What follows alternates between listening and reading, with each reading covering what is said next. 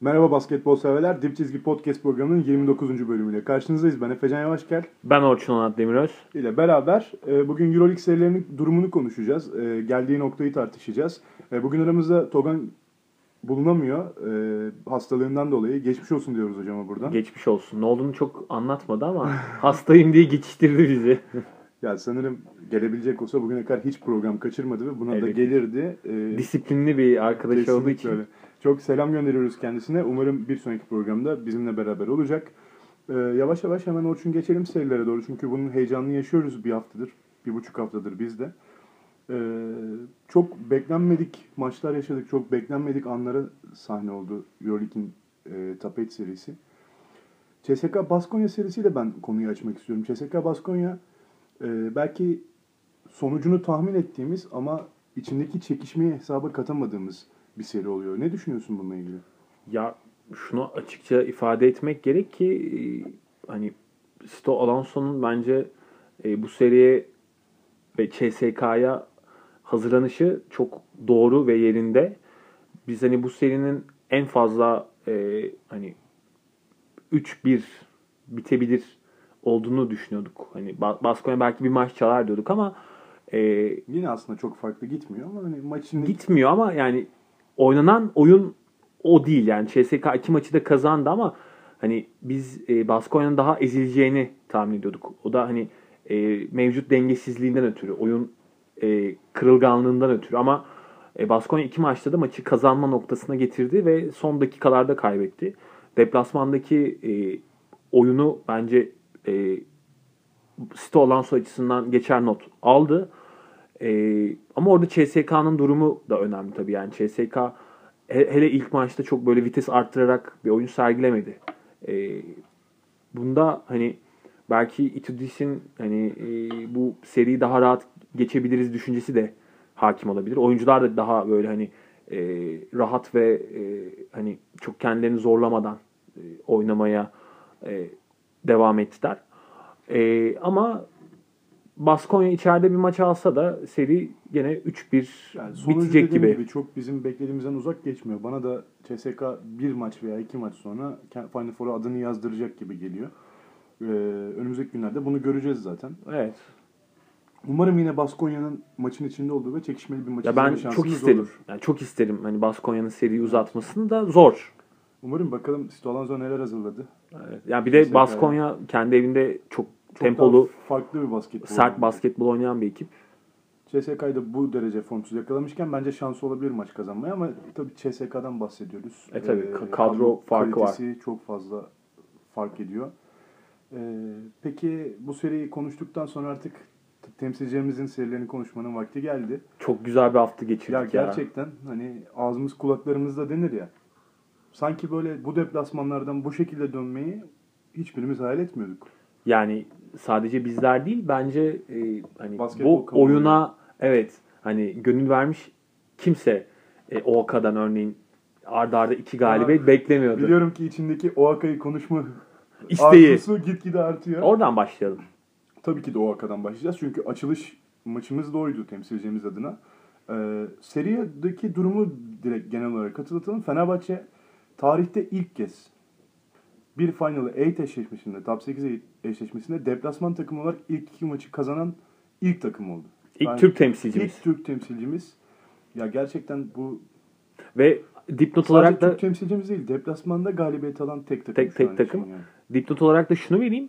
Obradoviç'li Fenerbahçe e, çeyrek final eşleşmelerinde maç kaybetmiyor. kaybetmedi. kaybetmiyor yani. Hani öyle bir çok ezici bir üstünlükleri var. E, Maccabi serisini 3-0, Real Madrid. Real Madrid serisini 3-0 ve şu an Panathinaikos'a karşı deplasmanda başladığı seri 2-0 önde götürüyor.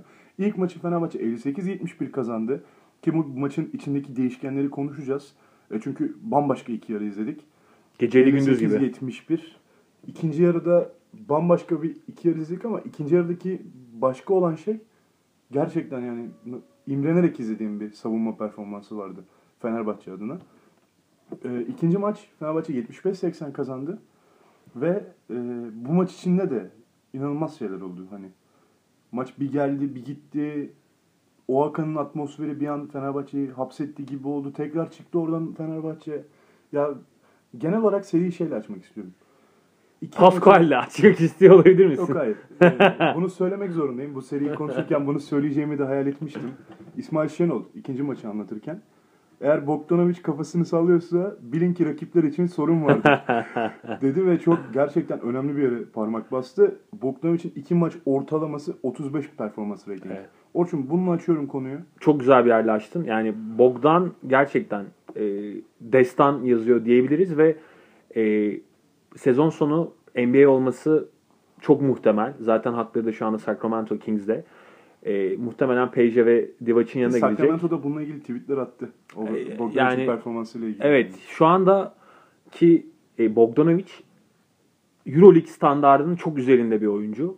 Hani çok başka bir yere doğru evrilmiş durumda ve bunu da e, bu seride çok net bir şekilde gösteriyor. Yani oyunu yönlendirmesi, pozisyon hazırlaması, attığı şutlar hani çok başka bir seviyede oynuyor ve e, açıkçası Pana şu anda e, bir hani çözüm üretebilmiş değil Bogdan'ın oyununa. Ama onun dışında e, tabii eşleşmeler konusunda aslında sorun teşkil eden bir seri yaşıyor bence. Biz bu seriyi e, başlamadan önce daha farklı geçebileceğini düşünüyorduk. Yani ortada bir seri olarak görüyorduk. Çünkü Pau e, bu seriye gelene kadar Fenerbahçe'den formdaydı. çok daha formdaydı. Ya seriye gelirken o kadar nasıl çıkacağız sorusunu biz programda da sorduk. Basketbol kamuoyu da bunu soruyordu. Bir maç kaybetmişlerdi. O da Olympiakos'uydu. Onun dışındaki bütün evde oynadıkları maçları kazanmışlardı. Ve yani sadece bu şey, bu gösteren diye söylüyorum. Bahis siteleri falan aşırı favori gösteriyordu Panathinaikos'u. Hani bunlar benim için şeydir hani bu basketbol kamuoyunun görüşü de bu şekilde ilerliyordu demeye, demeye eş değer görüyorum yani bunu. Elbette ki yani e, kadro kıyaslamaları yaptığın zaman da aslında öyle gözüküyordu. Yani ortalama e, eşleşmeler üzerinden baktığın zaman seriye de ortada bir seri olarak görünüyordu. Ama Fenerbahçe ilk iki maçta e, Obradovic farkıyla, Obradovic'in sistem ve oyun görüşü farkıyla e, çok ağır bastı. İlk maç neler oldu? Bir oradan konuşalım. Evet. İlk maç e, aslında iyi başlayan bir Fenerbahçe vardı maça. Hı hı. O Hakan'ın sitesinin üzerinde ba- baskısını hissettirmeyen bir Fenerbahçe vardı. Şut sokarak başladı. Tepeden ikili oyunlar üzerinden başladı. E, aslında umutluyduk maçtan. Ta ki Kalates'in rastgele bulduğu 10 sayının aslında bize perde arkasında göstermediği bir dezavantajı Mike James kapat- kapatana kadar. Hı hı. E, Mike James'in oyuna hakim oluşu e, aslında nasıl desem hem şut performansını etkiledi. Çok daha fazla pozisyon üretmeye başladı Panathinaikos. Ve seri ilk yarı 42-28'e geldi maç. Özür dilerim. Ya bunun sebebi sence Fenerbahçe'nin konsantrasyonun düşmesi mi yoksa Pana'nın çok daha alışmış olduğumuz o hücum temposunu arttırması ile ilgili miydi?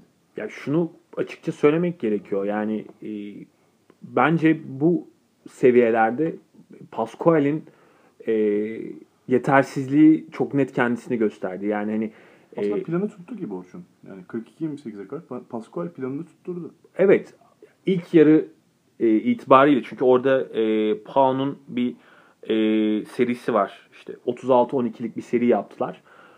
Ama o seriyi yaparken e, doğru 5 ile oyunda kalmıştı işte.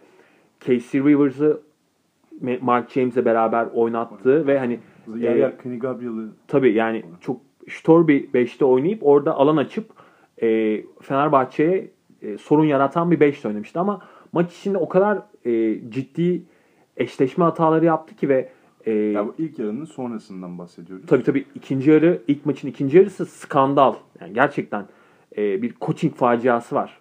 Fenerbahçe lehine. Hani e, şöyle tarttığımız zaman e, terazide e, yani Fenerbahçe çok ağır basıyor coaching olarak. Zaten seriye yansıyan da bu. 2-0 olmasının sebebi de bu. Hani e, bizim bu anlamda övünebileceğimiz ve sevinebileceğimiz nokta iyi ki Obradovic bizimle beraber. Kesinlikle öyle. Yani Obradovic aslında Obradovic ikinci yarıda değiştirdiği şeyler e, çok da takımda böyle çarkları yerinden ötecek radikal değişiklikler yapmadı. Yaptığı Sadece şey şuydu ben sana söyleyeyim. Klasik fizikli e, takımı uzattı. fiziği beşine arttırdı. döndü. iki uzuna döndü. Yani Vesile Ekpe'ye döndü. Ve e, buna karşılık e, Pascual ise e, takımı kısaltmayı tercih etti ve e, tabii ki çok ciddi bir şekilde Fenerbahçe üstünlüğü ele aldı ki Fenerbahçe'nin o beşine zaten e, bunu hep konuşuyoruz. Avrupa'da cevap verebilecek takım sayısı çok az. Yok. Belki CSK, belki Real Madrid. O da rotasyon genişliğinden dolayı. Yoksa Evet. yine fizikli bir beşi böyle bir beşi durdurmak çok kolay değil. Pau'nun işte e, bu iki uzunluğu beşe aslında cevap verebilecek bir beşi var. Yani işte Singleton ve Gist'in oynadığı. Veya, veya Ama e, Pascual o beşleri yani oyun içinde, saha içinde bulmakta çok zorlanıyor. doğru kart oynayamadı ikinci. Çok zorlanıyor. Yani hemen e, farklı beşlere gidiyor. E, molalarda bocalıyor. E, çok hani açıkçası doğru kararlar veremiyor. Ya bir şey bir de Fenerbahçe savunmadaki stratejisini switch defense hani değişerek adam Ki savunmaya. o da klasik.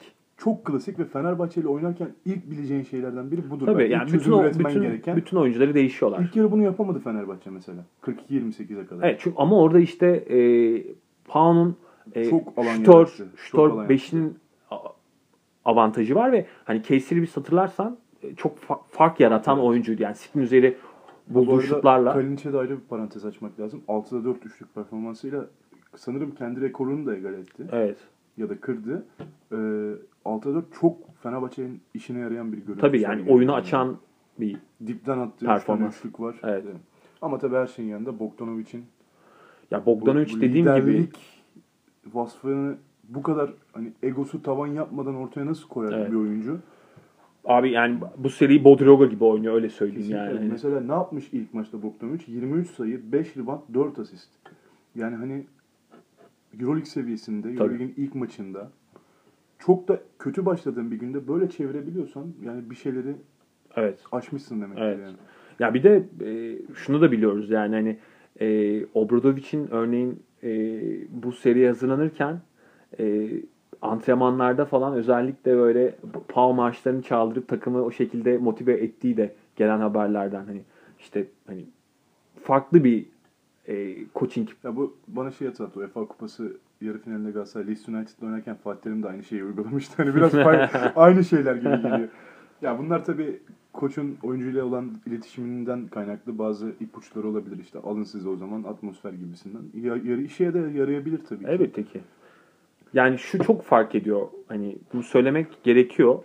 Ee, yani oyun içindeki, akış içindeki e, o hamle, mikro hamle e, yetisi ve hani oyunu gidişatını değiştirecek, o kırılmayı yaratacak e, koç vizyonu Fenerbahçe bu noktada çok ağır basıyor. Yani inanılmaz. Kesinlikle katılıyorum. Ee, maçın sonunda şöyle bir dezavantajı vardı Panathinaikos'un. O switch defense'de Yudov tepede Mike James eşleştiği her eşleştiği her pozisyonu kazandı Fenerbahçe. Hı hı. Ve bir ara maç sadece buna döndü son çeyrek. Top geliyor, 16 saniyede Mike James kullanıyor. Fenerbahçe rebound oluyor. Top çeviriyor, 24 saniyeyi doya doya kullanıyor. Potaya gidiyor, şut sokuyor. Yani dediğim gibi ilk maç psikolojik olarak çok ezdiler Panathinaikos'u. Bence ikinci maçı Evet. kazanmanın sebeplerinden rahat biri de bu. Evet. Katılıyorum. İkinci maça geçerken sana bir şey soracağım. Ee, niye Perontic ilk maç oynamadı sence? Yani başladığı 5 de aslında bakarsan farklıydı. Yani alışık olmadığımız bir 5 de başladı. Yani işte e, Sulkas. Sulkas, Bogdan, Datome, Kalinic, Veseli. Yani hani Yudov ve Bobby Dixon'dan uzak. evet yani e, ama all around bir 5 yani herkes herkesi savunabiliyor ve baktığın zaman hani Kalinic de bunun içine koyuyorum. E, işte köşelerden ceza atışı olan oyuncular olarak. İlk maç için koyabiliriz. Evet yani hani baktığın zaman kafa karıştırmak için de olabilir. Hani çünkü şunu biliyoruz. Obradovic hani maçın son bölümünde o klasik iki uzunlu beşine dönecek. Bundan eminiz. Ama işte hani e, o ana gelene kadar e, maçı farklı hamlelerde değiştirme yetisi var. İkinci maçta da bunun için mi Antic'i oynattı diyorsun? Bence evet. Ki Yani faydalandı da. faydalandı da yani. Ki Antic zaten çok kritik Panathinaikos taraftarıyla olan geriliminden de yararlandı bir ara, Fenerbahçe. Hani Bench'le olan diyaloğu, saha içinde taraftarın Antic'e Evet. bilinmesi bence algıyı da Fenerbahçe lehine çevirdi. Evet. Yani şunu da söylemek lazım. İkinci maçta e, çok enteresan şeyler oldu yani hani E, tabii. e, işte bu noktada yani hani Geçebiliriz ikinci maçı evet bu arada. Yani. tartışılabilir tabii ama biraz böyle e, Pau ikinci maçta e, hakem desteğini de aldı dersek e, yalan söylemiş olmayız yani hani. olmayız, evet. Çünkü orada e, birkaç düdük var. Hani direkt e, Pau lehine çıkan.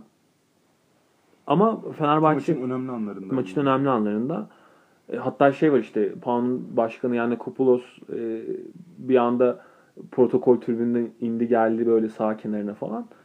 E, enteresan işler de oldu. Ama yani Fenerbahçe hiçbir şekilde telaş yapmadan e, gayet sakin kalarak yanına yol arkadaşı Yudo'u da alarak Evet. 35 artı 34'ten 69 performans rating Tabii. iki oyuncusundan sadece Fenerbahçe e, sağladı. muhteşem bir şey. Ya yine istatistik vereyim. Bogdanovic, Bogdanovic övüyormuş gibi olacağım sürekli ama bunu hak etti. Yani Ha, bu kadar yani konuşulmayı da hak etti. Çok başka bir seviyede şu an. Ya gerçekten tarih yazdı Bogdanovic Tabii. bana sorarsan.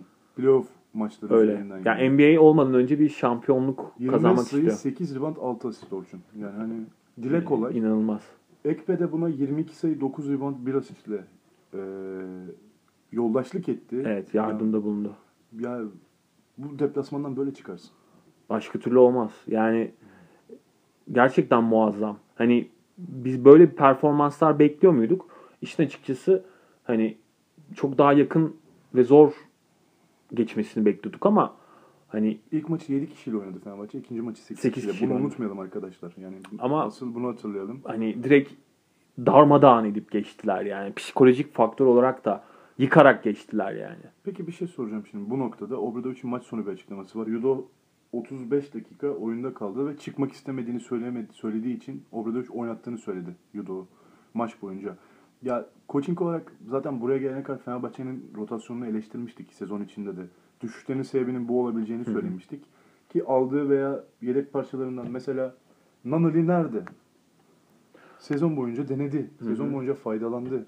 Ama e, yani Nadal'in sezon içindeki dalgalı performansı çok zaten buraya ışık tutan bir performans değildi yani. Hani belki Hep aradı Obradovic'in Nanali'den bir şeyler. kısa süreli olarak kullanılabilecek noktadaydı ama hani ben Naneli'nin kafa olarak da çok böyle e, yani Oaka atmosferine e, uyum sağlayabileceğini düşünmüyorum açıkçası. Herhalde bu yüzden kullanmadı. Muhtemelen. diyorsun. İçeride belki yararlanır. üçüncü İçeride maçta. olabilir. İçeride. Ya çünkü rotasyona sokmazsa takım gerçekten hırpalanıyor yani, yıpranıyor. Ya işte e, Pascal rot- rotasyonlu oynamaya çalıştı ama o kadar kötü zamanlamayla o kadar kötü e, oyuncu değişiklikleri yapıyor ki yani takımın bütün e, düzenlerini alt üst ediyor. Ve şunu da söylemek gerekiyor yani e, çok önemli tarihsel iki not. E, Pascal Barcelona'nın başında 2011 hatırlarsın Rubio'lu Barcelona.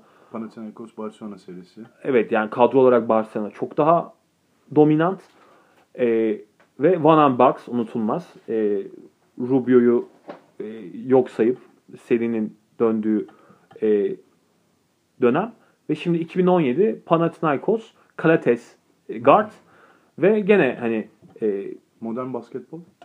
işte bunu tartışmamız gerekiyor. Yani şimdi Kalates belki oyun aklı olarak çok müthiş bir guard olabilir ama hani öyle bir noktaya geldi ki hani zerre umursamıyorlar yani Kalates'in şutunu.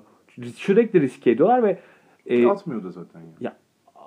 kafa olarak atabilecek bir durumda değil ki. Hani Kalates'in şutu zaten güvenilir bir şut değil ve şu anda hani e, Obra konuşulmuş bir şekilde Ki 4'te 0 üçlük attı. yani Kalates'i sürekli e, boş bırakıyorlar. Sürekli riske ediyorlar. Ve yardım savunmasını da daha farklı bir seviyeye çıkartıyorlar. Yani, e, Pau'nun bu seride yani eğer oyuna ortak olmak istiyorsa yapması gereken şey bir kere kesinlikle şutörlerini dahil etmek. Yani bence e, yani Mark James, Casey Rivers mesela Felden neden bu seviyede oynamıyor abi? Yani Felden oynamaz mı? Ya değerlendirebilir şutör. Çok Oynamaz mı yani? O- Oynamaz mı? Bir şekilde sokmak zorundasın Feldeyni yani.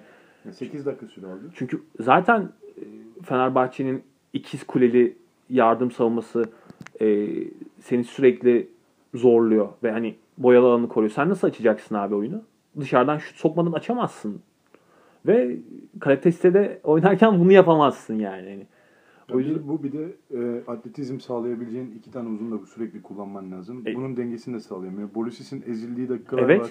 çok önemli. Yani Pascal'in kaybettiği ortada bu seriyi. çok net. Yani Singleton Singleton. dakikalarına bak 24-25 dakika civarı oynuyor. Şimdi Ekmen'in Sezonu Singleton'la götürdü bu Panathinaikos. Ekmen'in 35-36 dakikada oynadığı oyunda kaldığı yerde Singleton'ın çok daha fazla oyunda kalması lazım. Yani eşleşme sorunu Son yaşarsın. maçın sonunda Singleton'ın çabalarıyla birazcık Panathinaikos maçın içinde kalmayı Ortak oldu. başardı. Evet. Keza Gist aynı şekilde. Yani onları oyuna sokmak zorundasın. Biz çok yeni döndüğü için belki orada zorlanıyordur.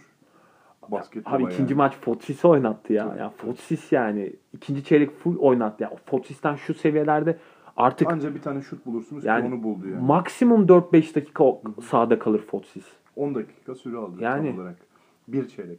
Bir çeyrek tamamıyla oyunda kaldı. Aynen, evet. Ee, şimdi seriyi ufak ufak kapatacağım Panathinaikos Fenerbahçe serisini de beklentinin 3. maçtan. Yani ben Panathinaikos'un son kozunu oynayacağını düşünüyorum. Maçın kolay geçeceğine inancım yok. Ama Evet. Ya Yanna Kapitos gene demiş işte Evet. biz Panathinaikos'uz e, sahada ölmemiz gerekiyor falan ama abi bu seri bitti. Yani kafa olarak bence de bitti Panathinaikos'un arka arkaya 3 maç kazanıp Fenerbahçe'yi eleyebilmesi mümkün değil. En fazla bir maç alırlar. Belki King is back olursa, Diamantidis oynarsa yarın. Yani hani Öyle bir şey olur yani. E, 13 numarasıyla geri 13 dönerse olabilir de yok yani bu seri bitti. Şu an için evet bu serinin baskısını, psikolojik baskısını da kaldırabileceğine inancım yok Panathinaikos'un. Umarım e, bizim lehimize çok daha kolay olur. Fenerbahçe 3-0'la geçer ve Final Four'a Ve- adını yazdırır. Tarih yazmış olacaklar Tarih yazmış yani. olacak. 3-0 3-0 3-0 çok 9-0'lık seri yapacak eğer Fenerbahçe yani çok efsanevi bir şey. Ki Obradovic'in de bu tarz rakamları sevdiğini biliyorum. Tabii Ve yani süpürmüş olacaklar isteyecektir yani. Ee, Fenerbahçe serisini kapatıyorum. Tebrik ederiz Fenerbahçe'yi. Çok Umarım- önemli bir başarı. Umarım Final Four'a da gideriz kolayca ve Final Four'da da tekrar konuştuğumuzda Yok ben o noktada da çok avantajlı olduğumuzu düşünüyorum. Orada da Pablo Lasso'lu Real Madrid gelecek yani. Final yolu da final, konuşacağız. final, final yolu çok açık yani. Ee, sen bugün koçlara gömeceksin. Ben şey yapıyorum. Bir Öyle abi. Olympiakos'un coachingi biraz kurtardı sana karşı sanki ve oraya doğru geçiyorum Evet. şimdi. Ee, Olympiakos Efes serisi ilk maç gerçekten bizim için hayal kırıklığıydı. 87-72 72 mağlup olduk.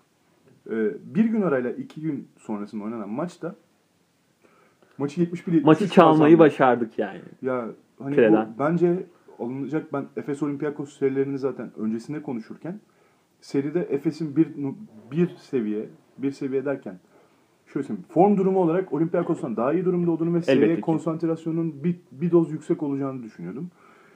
İlk maç gerçekten hayal kırıklığına uğradım. Yani hani ben de izleyen arkadaşlarım da seninle konuştuk. Sen de işte ya da basketbol adına Efesli arkadaşlarımız Benim da. beklediğim bir şeydi tabii de.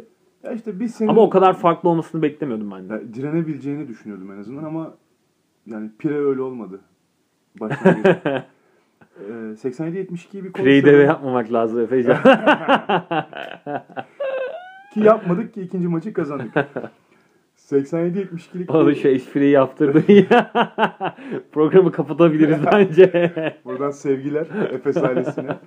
Umarım burada da güzel maçlar izleyeceğiz. Şimdi açarken seriyi şeyden açmak istiyorum. Efes 87-72 kaybetti e, ve Olympiakos gerçekten iyi bir şut günündeydi. Öncelikle bunu konuşmak lazım. Özellikle Mansaris. Manzaris 4 tane buldu ve Manzaris sezon boyunca 2 tane maçta 4 ve yüksek üçlük attı sanırım yanılmıyorsam.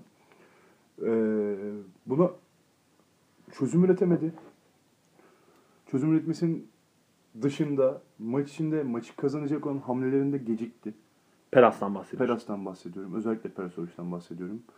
Ve ilk maça havluyu bence ikinci çeyrekte attı Efes. Hı hı.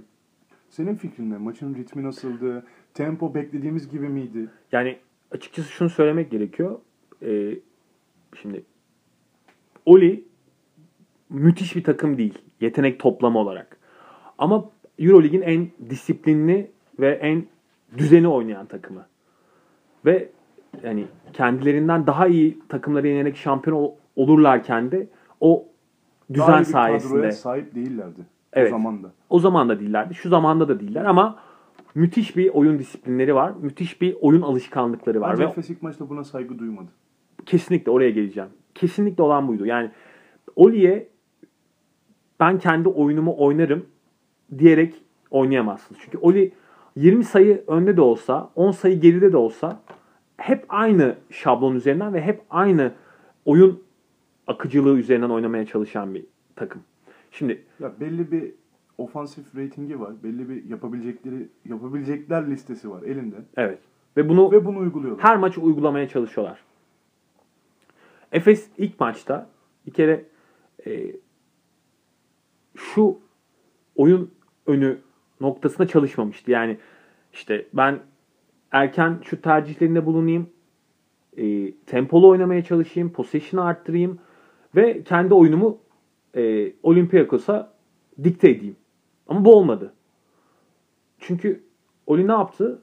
Seni tempoyu alarak oyunu yarı sahaya dökerek Efes'i nötralize etti.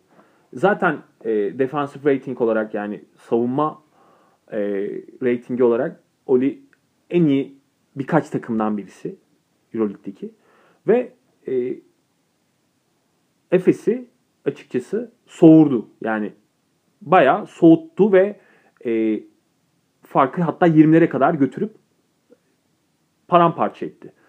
Ama ikinci maçta Efes çok doğru bir şey yaptı.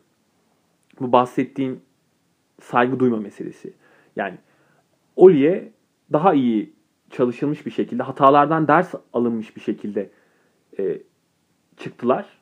Ve e, daha doğru bir oyunda, pozisyonları doğru seçerek, e, dirençli kalarak, e, hatta zaman zaman içerisinde Peras'ın çok önemli mikro hamleleri vardı.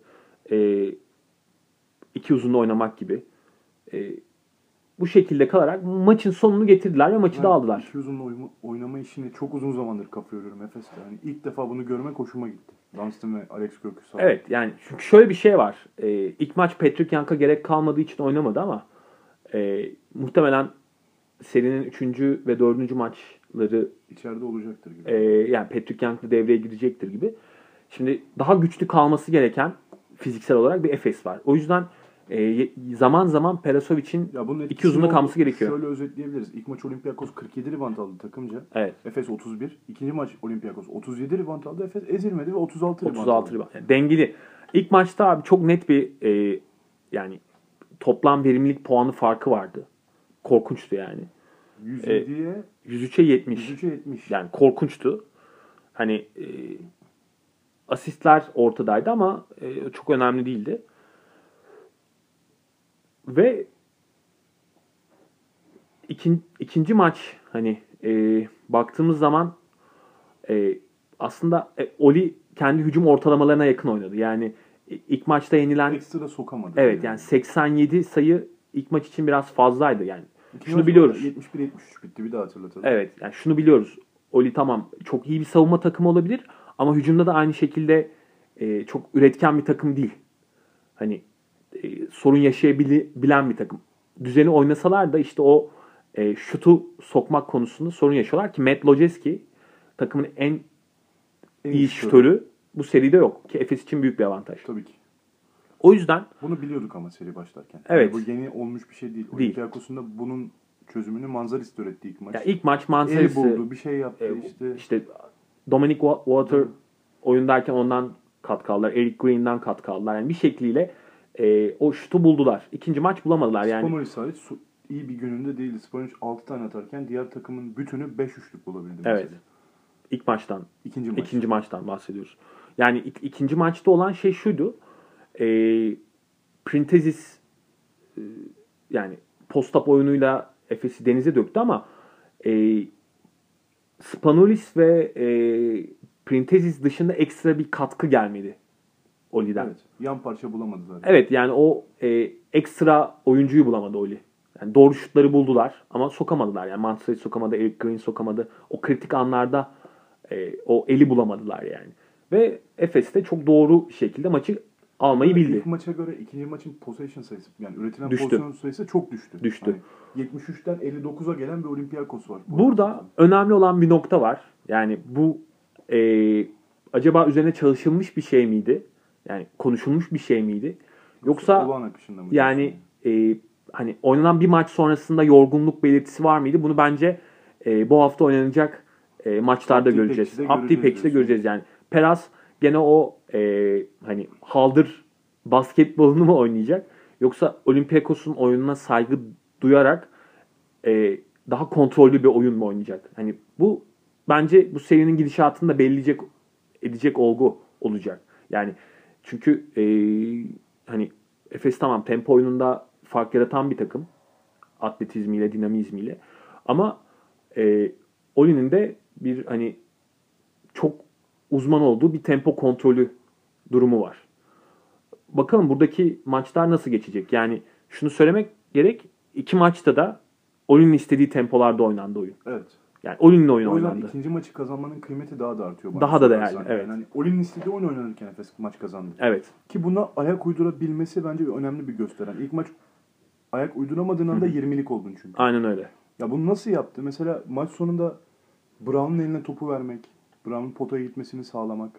Maç içinde düşünülmüş şeyler ise bence çok kıymetli. Hı hı, hı hı. Ee, çünkü bunu görmüyoruz. Sezon içinde de çok görmedik. Sezon içinde bunu yaptığı zaman Derrick Brown haftayı MVP kapattığı iki hafta var. Ee, yani Brown ama genel olarak iyi bir seri geçirmiyor. iyi bir seri İlk- geçirmiyor ilk maçta da ama iyi değil. bence sonda bir özgüven patlaması yaşadı. Buradaki maçları farklı oynayabilir Derrick Brown'da. Olabilir. Ya bunların hepsi gösteren olabilir bizim Ama için. Printezis iki maçta da çok ağır bastı. savunma konusunda Printezis, Çok ağır bastı Ama yani. bu arada Orçun yani Printezis'i Avrupa'da üst seviye takımların savunabildiğini çok görmedim ben daha önce. Evet Real yani onun karşı da oynadığında, CSK'ya karşı da oynadığında 20 power, performans ratinginin altına çok Ya düşmüyor bu çünkü adam. çok yani. özel bir e, post-up oyunu var ve hani e, Süper gücü var adamın. Evet, Yani öyle yani- bir tarzı var ki savunması da çok zor. ya zaten ikinci maçı hatırlıyor musun? Yani bir sağ omzunun üzerinden dönüyor, bitiriyor bir hani fake yapıp Allah diye böyle gidiyor. yani hani yani. Brown aklı karıştı yani. Hani nereden döneceğini şaşırdı. Ya dediğim gibi çok üst düzey savunmacıların da aklını karıştırabilecek bir tarzı var Printezis'in ve çok zorluyor. Çok unik. Yani dediğin gibi unique tam oturan kavram sanırım. Ee, yanına bence bulamamasının sebebi mesela Papa Nikolaou iyi bir seri geçirmiyor. Papa Nikola ilk maç İlk iyi, maç ama iyiydi. ilk maç genel olarak takımın temposu. Evet. Yani takımda ne atsa girdiler, ne atsa soktular yani. Hani. Ama ikinci maç ondan da katkı alamadılar. İkinci maç bir ara denediler, topu verdiler ama yüzdesiz oynadı özellikle çizginin dışından. Ki çizginin dışından Papa Nikolaou bu sene çok da alıştığımız tarzında deneme yapmıyordu. Hatırlarsan. Yani önceki Papa Nikolaou, NBA'ye gitmeden önceki Papa Nikolaou ile şimdi Papa- Nikolaou arasındaki fark Galaksiler var. ya bir, bir de dış şutu yok artık Papa Nikolaou'nun yani. Yani Kaç kere Papa Nikolaou dedim bilmiyorum. Yani. Söylemesi de zor zaten. Aynen. Bir daha bana söyle. Ee, Kostas deyip geçeyim o zaman. bir Papa Nikola, iki Papa Nikola, üç Papa Nikola. Tekerleme gibi oluyor bir yerden sonra. Ee, Orçun bir de şey soracağım. Seri öncesi Hanikat'ın bir sakatlık durumu vardı. evet. Hanikat ilk maç gerçekten Kötüydü. sakatlıktan çıkmış Hanikat gibi oynadı ama ikinci maçta özellikle kritik yanlarda soktuğu şut. Çok ekstra soktu. Mesela sezon boyunca Togan sen ben hep eleştirdik. Hanikat hücum oyuncusu değil arkadaşlar diye. Hani Şöyle hücum oyuncusu değil. Ekstra şutu olan bir oyuncu ama yani topu eline verip hadi sen yarat denilecek bir oyuncu oynayamaz değil. yani. Evet. Öyle bir oyuncu değil. Ama demek ki bu gelişimde bizim gözden kaçırdığımız şeylerden biri de Hanikat yüzdeli oynamaya başladı bir yerde de. Hani Ya şimdi şöyle bir olgu var. Ee, yani Hanikat'la eşleşebilecek e, oyuncu su da yok Oli'nin. Yani hani ona üstün özellikle gelebilecek. şutunu savunmak Evet. da çok zor zaten. Yani atletizm olarak e, ona eşlik edebilecek bir oyuncusu yok. Yani belki Papa Nikolaou. Ama o da çok iyi bir seri geçirmediği için o noktalarda Yok değil. ben ismini bir daha zikretmeyeyim. Ee, peki şimdi birazcık serinin geleceğini konuşalım. Az pozisyonlu, e, Olympiakos'un alıştığı tarzda geçen bir seriyi İlk Efes'in maçı formsuz ve ikinci maçı Olympiakos'un oyununa ayak uydurarak kazanan bir Efes gördük. İlk maç tamam. ilk maçı hayal kırıklığıydı. başka bir yere koyalım. Ama ikinci maç tam da beklediğim gibi bir maç oldu. Hani evet Efes Olympiakos serisini böyle oynayacak dedim deplasmanda kafamda seri başlamadan önce. Sen bu burada ne bekliyorsun yani? Buradaki buradaki seride beklenen fark Efes'in bir kere kesinlikle Olympiakos'tan fazla pozisyona girmesi. Top Yani adedini Top arttırması. adedini artırması. Kesinlikle rebound üstünlüğü çok önemli. Elbette. Çünkü Olympiakos gibi takıma 47'ye 31 rebound üstünlüğü sağlarsan şunu da 20 söyleyeyim. sayı olur yine. İlk maçta Milutinov Çok yani iyi, hani çok Milutinov. Spurs'e e, transferini gerçekleştirdi Evet. yani. Hani Evet, evet, evet. Popovic ağzının suları akıyordu yani. Yani-. İkinci maç ondan da katkı alamadılar. Evet. Yani ikinci maç dediğim gibi bence savunma agres agresifliği de arttı Efes'in. Evet yani bence seriyi belirleyecek olan yani daha doğrusu Efes'in geleceğini belirleyecek olan e, ikinci maç sonrasında yani çünkü orada çok dirençli kaldılar. Aynı direnci gösterip gösteremeyeceği. Peki şey tezimiz de yıkılmış oldu ben bana sorarsan. Jason Granger ve Tom Hurtel'in iyi oynamadığı bir günde Efes nasıl maç kazanır?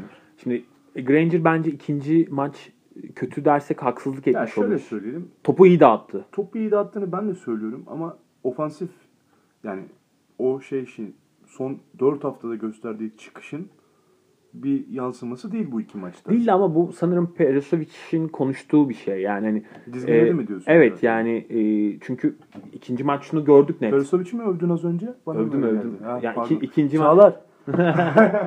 ikinci maç e, ben yani coaching olarak beğendim Perisovic'i. En azından e, hata yapmadı. Hani maçın kaderini Evet. etkileyecek hatalarda çok ciddi hatalarda bulundu. hamlesi de oldu. Alex Oldu. Kirk. Alex Kirk hamlesi evet önemli bir mikro hamleydi. gelirken Alex Kirk'ün şutu olduğundan bahsediyordum. Ki sen de Maçı kazandıran şut konuştuk. attı. Çok sevindim. Hani şeyden sevindim. Hani bu adamın böyle bir özelliği vardı. Ne zaman kullanacaklar acaba diyordum. Öyle bir yerde kullandılar ki. Evet, serinin belki gidişatını Yani- değiştirebilecek bir şut attı. Şimdi geleceğe dair de umutlanıyorum buradan. Belki bir daha kullanırlar. Burada rebound çeker. Burada pot altı üstünlüğü nefes alır mı? Alırsa çok bambaşka bir maç izleriz. Evet yani alabilir tabii ki ama e, şimdi şundan eminiz. Ya, Oli gene aynı oyunu oynayacak. Yani Evet. Oli gene disiplinli kalacak. Gene kolay yıkılmayacak. Gene oyunun içinde kalacak. E, ve bildiklerinden şaşmayacaklar. Hani Efes belki e, maç içinde e, yani farkı onlara getirebilir. Çift tanelere taşıyabilir falan ama Oli gene bildiğinden şaşmayacak. Bundan eminiz yani. Ve ben şunu söyleyeyim. Bence e, Perosovic gene ilk maçtaki gibi başlarsa hani geleyim 10 saniyenin altında hücum edeyim, e, ilk bulduğum pozisyonu atayım falan. Öyle bir maç beklemiyorum. Atarsa bence çok büyük yanlış Ki yapmış. olur. salonun da dolu olması Efes'in o hücumdaki tez canlılığını arttırabilir. Bence bunu dizginlemek de önemli. Kesinlikle yani o tempo kontrolü bence her şeyden önemli. Ki bunu herhalde Jason Granger'a yine sorumluluğunu verecek. Muhtemelen. Çünkü Örtel Ki bu arada Efes'in de ben fizikli bir beşe sahip olduğunu düşünüyorum artık. öyle. Zaten Yani- öyle. Yani bu Olympiakos serilerinde daha da iyi test etme şansı buldum kendi adıma. Ya Yani işte sezon umarım içinde çok kullanmadı o fizikli beşi Olympiakos'a karşı Hı hı. hasılı verdi yani. verdi evet. Ya umarım bu oynanacak hani e, İstanbul maçlarında İstanbul ayağında iki galibiyet çıkarır mıyız Orçun? Ben 3-1 bitmez diye düşünüyorum bu seri. Yani Oli burada bir maç kazanır. bitmezse işimiz zor gözüküyor ama. Yani uzayacak gibi düşünüyorum ben yani. Hani 1-1 olabilir gibi geliyor bana. Oli bir maç kazanır gibi geliyor. Yani Efes'in de açıkçası e, yani bu her takım açısından böyle Oli yani bir takımı arka arkaya 3 kez zor kaybeder gibi geliyor yani. Umarım kaybeder. İnşallah. Yani Böyle diyerek bu seriyi de inşallah. Kazanılmış bir şekilde konuşmak üzere kapatalım o Yani zaman. şans bize geldi abi. Evet. Yani gelmişken 3-1 Avantajı aldık. 3-1 bitirmek lazım. Keşke Oaka'dan bitire- çıkardık. Pire'den Biliyorum. çıkardık. Şimdi de gideceğimiz yer Madrid. Madrid'den de çıkardık. ve, ve bence e, yani playoff'lardaki flash olaylardan birisiydi o yani. İlk maçı 1 ve 8 eşleşmesinde Evet. Başka Real Madrid'e karşı ilk maçı deplasmanda 83-75 büyük bir bölümün önde götürdüğü maçı Evet. 83-75 kaybetti. David Blade maç sonunda çok üzgündü. Çok çok, üzgündü. üzgündü. İkinci maçı ise 80-84 kazanmayı bildi. Ki 80-84 yani hani maç sonunu da iyi oynayan bir Darüşşafaka izledik. 8'den giren bir Darüşşafaka ki sezon boyunca konuştuğumuz en önemli şey Darüşşafaka'nın büyük takımları yenebiliyor olması. Ya bunu defalarca Defalarca yani gösterdiler yani. Darüşşafaka konusu açıldı büyük takımları yenebiliyor. Hani ilk cevap bu. aynen öyle. Ama playoff'a giremeyebilir. Ya büyük adaletsizlik olurdu. Ama Gerçekten ya. Kızıl. Yıldız'a da çok büyük haksızlık oldu. Ama Darüşşafaka Kızıl Yıldız'dan daha iyi bir sınav vereceğini de biliyorduk. Ya şimdi şöyle söyleyelim. E, Kızıl Yıldız'ın tavanı belli. Yani 80 oynamaz o takım. 73 evet oynar. yani belli standartları belli olan, yetenek toplamı belli olan bir takım. Ama Darüşşafaka öyle değil. Darüşşafaka'nın en iyi gününde her takımı yenebilecek bir Evet. kadrosu var. Ki Real'e gittiler. Kendi evlerinde yendiler yani. İki maçta da yenebilirlerdi Maçlar bu da arada yani. Hani. Ve bu seride de bizim çok avantajlı olduğumuz bir taraf var. Yani ben sezon boyunca e, Blatt'i çok eleştirdiğim maç oldu. Yani e, çünkü ondan beklediğimiz Çok formsuz bir sezon geçirdi o da. yani ondan çünkü çok daha fazlasını bekliyoruz. Çok çok daha fazlasını görmeye alışkınız Blatt'ten. Bu sezon e, hani bir mesela direkt aklıma Milano maçı geliyor. Hani 25'ten kaybetti. Yani öyle maçlar yaşattı bize. Peki farklı olan ne playoff'ta Orçun? Büyük maçlarda olan Abi- şey mi oluyor? Ya winner koçların şöyle bir özelliği var. Yani seri oynamak çünkü çok başka bir şey ve seri oynarken e, o X faktör o farklı e, oyuncuyu bulmak, o farklı e, seti yaratmak, o farklı e, şablonu oluşturmak bunlar zaten e, elit koçlukla ortalama koçluk arasındaki e, ufacık Çizgi. çizgi yani hani ve Blatt bu noktada gerçekten denize döktü yani Lasso'yu. Ya peki ilk maçı niye kaybettik? Ya maç sonunda Lul'ün performansı Evet. yine. Çünkü topu Evet. eline alınca çok bambaşka bir şey dönüyor. Yani MVP Sergio sonuçta Lul- yani. Evet sezon MVP'si. Hani orada kaybettik ama Daçka gene doğru basketbol oynadı. Oynadı. Bütün maçı da böyle Yani götürdü yani. Şimdi şöyle bir şey var. Harangodi mesela Orçun. Hani aklıma gelip gelip duruyor. Ben bu soruyu hep kendime Çıkardı değil mi? Harangodi ya sezonun son iki maçında falan rotasyona sokmaya başladı. Playoff'ta çok önemli bir koz haline kafasında geldi. kafasında olan bir oyuncu değil. Gene Değil. sezon itibariyle yoktu Bu niye yani. burada diye soruyordur belki kendine ara. Yani. Muhtemelen soruyor olabilir. Ama işte beklenmedik olanı yapmak abi. Yani hani e, çünkü serilerde fark yarattığın nokta e, cebinden çıkardığın ve karşı rakibin dengesini bozacak e, beklenmedik olan hamle. Bled abi 1-3-1'i çıkardı yani. Hani. Ama o 1-3-1 de yani sonuçta tam 1-3-1 değil yani. Yok, yok. 1-3-1 ile Matchup, matchup'ları var. Evet yani 1-3-1 ile başlıyorlar ama sonra hani çok değişken bir savunma yapıyorlar. Adam adama dönüyorlar. Matchup zone gibi Bir dönüyorlar. şeye de benziyor. Ergin milli takımda oynattığı o matchup zone defense'e de benziyor. evet. Eşleşmeli hani, Aynen öyle. hani alan yapıyorum ama eşleşmeli bir alan yapıyor. Eşleşmeli bir anda bir adam alan. adamaya da dönüyor topun döndüğü yerlerde. Ya bir ve- biri de bu şekilde kullandı bilet mesela. Tamamıyla e, Lasso'nun kafasını karıştırdı yani. Şaşa kaldılar ya. Yani koskoca Real Madrid'in e, oynayacağı oyun ver topu Lul'a, Lul'ün yaratıcılığına bakalım olmamalı abi yani. Lul'ün Ya bunu çok gördük ama sezon içi. Lasso Gördük. zaten bunu yaratabilen bir koç değil. gördük yani. Real Madrid'in kadrosu belki e, Euroleague'deki en geniş. Geniş. geniş kadro. 12 kişinin de rahatlıkla süre alabileceği bir 13-14'ü vardır onların oynatmıyorlar yani. e, kadro. Her oyuncusu her takımda rahatlıkla e, görev alabilecek oyuncular. Ama gel gör ki işte hani yapı kurmak bambaşka bir şey.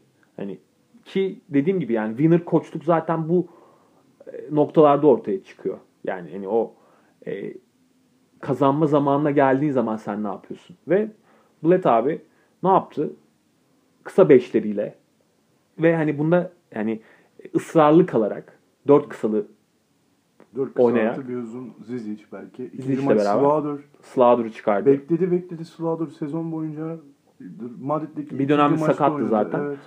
Ve çıkardı yani. Hani farklı bir şey yaptı ve e, kafaları karıştırdı. Oradan da bir maç çaldı. Yani Evet. helal olsun. Büyük galibiyet. Ha, bana sorarsan hala bu seride Real Madrid tabii ki avantajlı. Artık belli olmaz.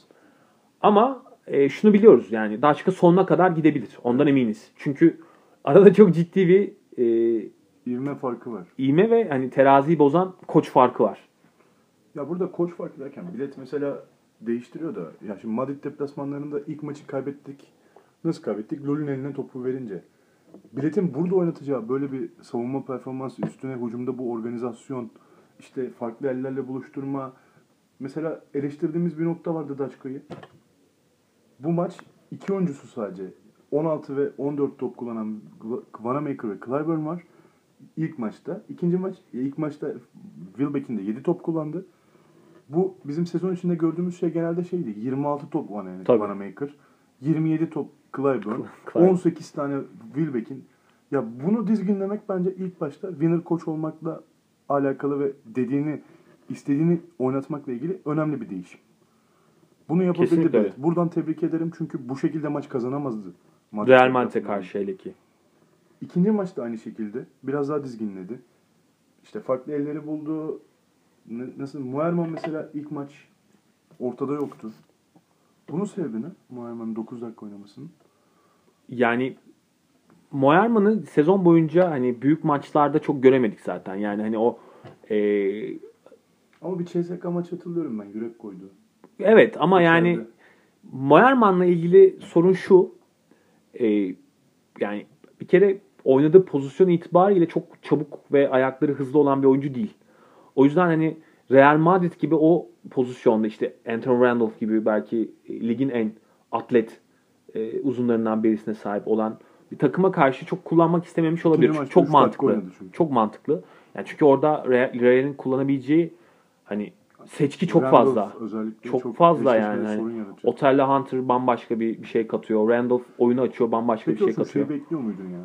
İlk maç bir iki fa- iki rebound farkla Daçka daha fazla rebound alıyor.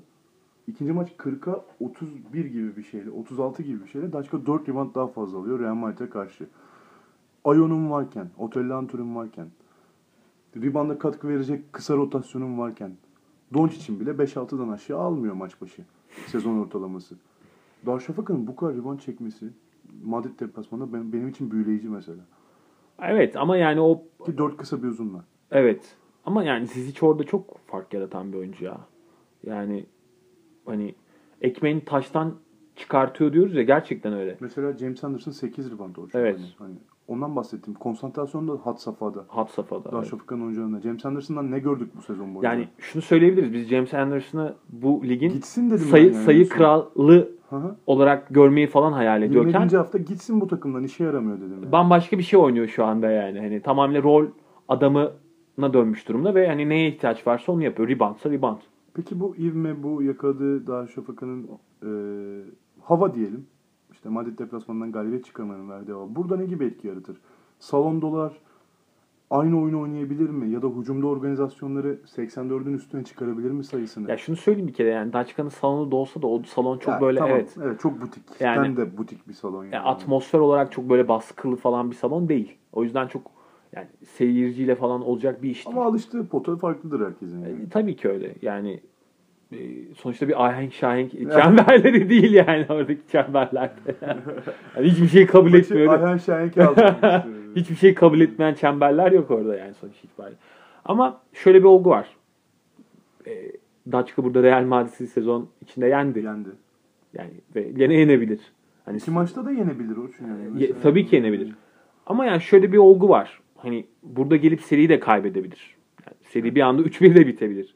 Hani şaşırmamak gerekiyor ama Bu tabii Darüşşafaka'nın kötü oyunundan ziyade Real Madrid'in kadro genişliğinden Elbette ki öyle. kaynaklanacak yani. ama benim inancım ve beklentim Daçka'nın artık bu seriye tutunduğu. Psikolojik olarak da çünkü gidip Madrid'de maç kazanmak bence çok etkileyici bir şey.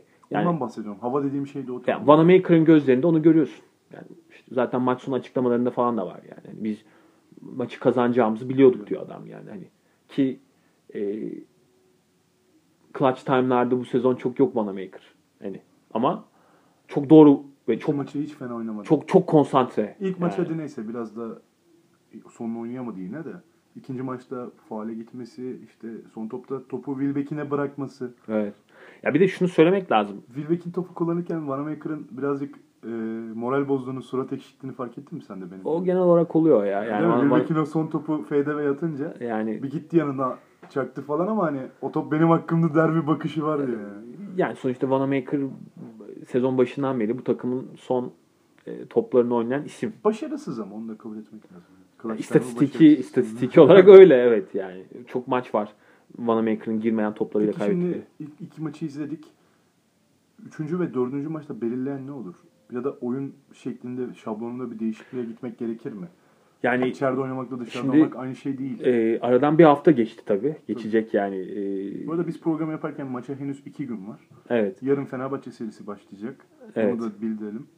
Yani Lasso'nun bir kere hazırlanmak için oldukça fazla vakti var. Yani e, alternatif e, planlar yapacaktır. Sergio Llull yapar bence planları.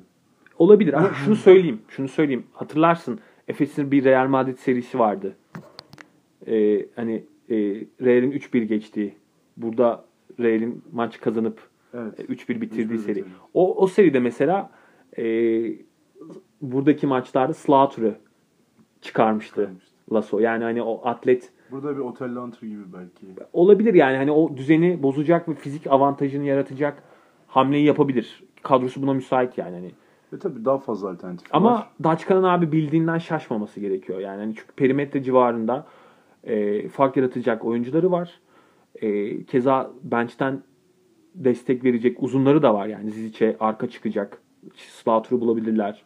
E, Furkan Çok fazla olabilir. birebire döndürmemeden birazcık top paylaşarak oynarsa Daçka işin buradaki kısmı biraz daha farklı olabilir. olabilir ama Real tabii buradaki maçlara daha konsantre de olabilir. Yani o Ya bu şeyle ilgili 3. maçı Darüşşafaka kazandan da seri bambaşka bir başka bir yere gider tabii. Yani bence öyle. bu önümüzdeki Efes maçı ve Darüşşafaka maçı çok çok, Çok, önemli. kritik. yani. Çok kritik. Üçüncü maçlar bazen dördüncü maçın habercisidir çünkü. Aynen öyle. Aynen öyle. Umarım bütün seriler, temsilcilerimizin oynadığı bütün seriler ve şanlı Baskonya yürü be. istediğimiz gibi. Baskın incisi yürü. Staranzo'yla benim aramın yıldızın barışmadığını sen hep eleştirirsin. ya ben şunu söyleyeyim abi yani e, şu anda hani Hiç istemediğim bir takım kurduğu için eleştiriyorum ben. olabilir. Aha. tartışılır tabii Aynen. ki kadro mühendisliği ama şu anda bence e, İspanyol e, olarak en iyi koç. Yani Pablo Lasso'dan da iyi. Pascual'den zaten e, Evet, Hani buna herkes iyi değil. Tamam buna katılıyorum. tamam buna katılıyorum. Umarım önümüzdeki programı yaparken Togan'ı da yanımıza, sevgili hocam da yanımıza döndüğü zaman önümüzdeki program zaten NBA programı olur. NBA ve Euroleague'de seriler bitince bir programımız daha Evet. olacak Final Four öncesi. Bir veya iki programımız. Bunlar öncesinde tekrardan konuşacağız. Umarım o zaman yüzümüz güler. Tabii yani Umarım üç takımla olmazsa en az iki takımla Abi, mücadele etmek istiyorum 3 ben. takımla gittiğimiz bir Final Four gerçekten düşünemiyorum. Rüya yani. gibi hem de İstanbul'da. Düşünemiyorum yani. Hani. Fanzone'da böyle çeşitlilik böyle. Oh oh oh diye yani. CSK da gelse yanımıza ne olduğunu şaşırır. o zaman e, çok teşekkürler dinlediğiniz için. Umarım hepimiz için keyifli bir Euroleague Geçen serisi. hafta- geçen hafta çok haftaki keyifliydi. gibi gülerek maçları yorumlarız. Şarkılar, türkülerle eğleniriz umarım. E, teşekkür ederiz dinlediğiniz, dinlediğiniz için. E, iyi haftalar, hoşça kalın. Kendinize dikkat edin.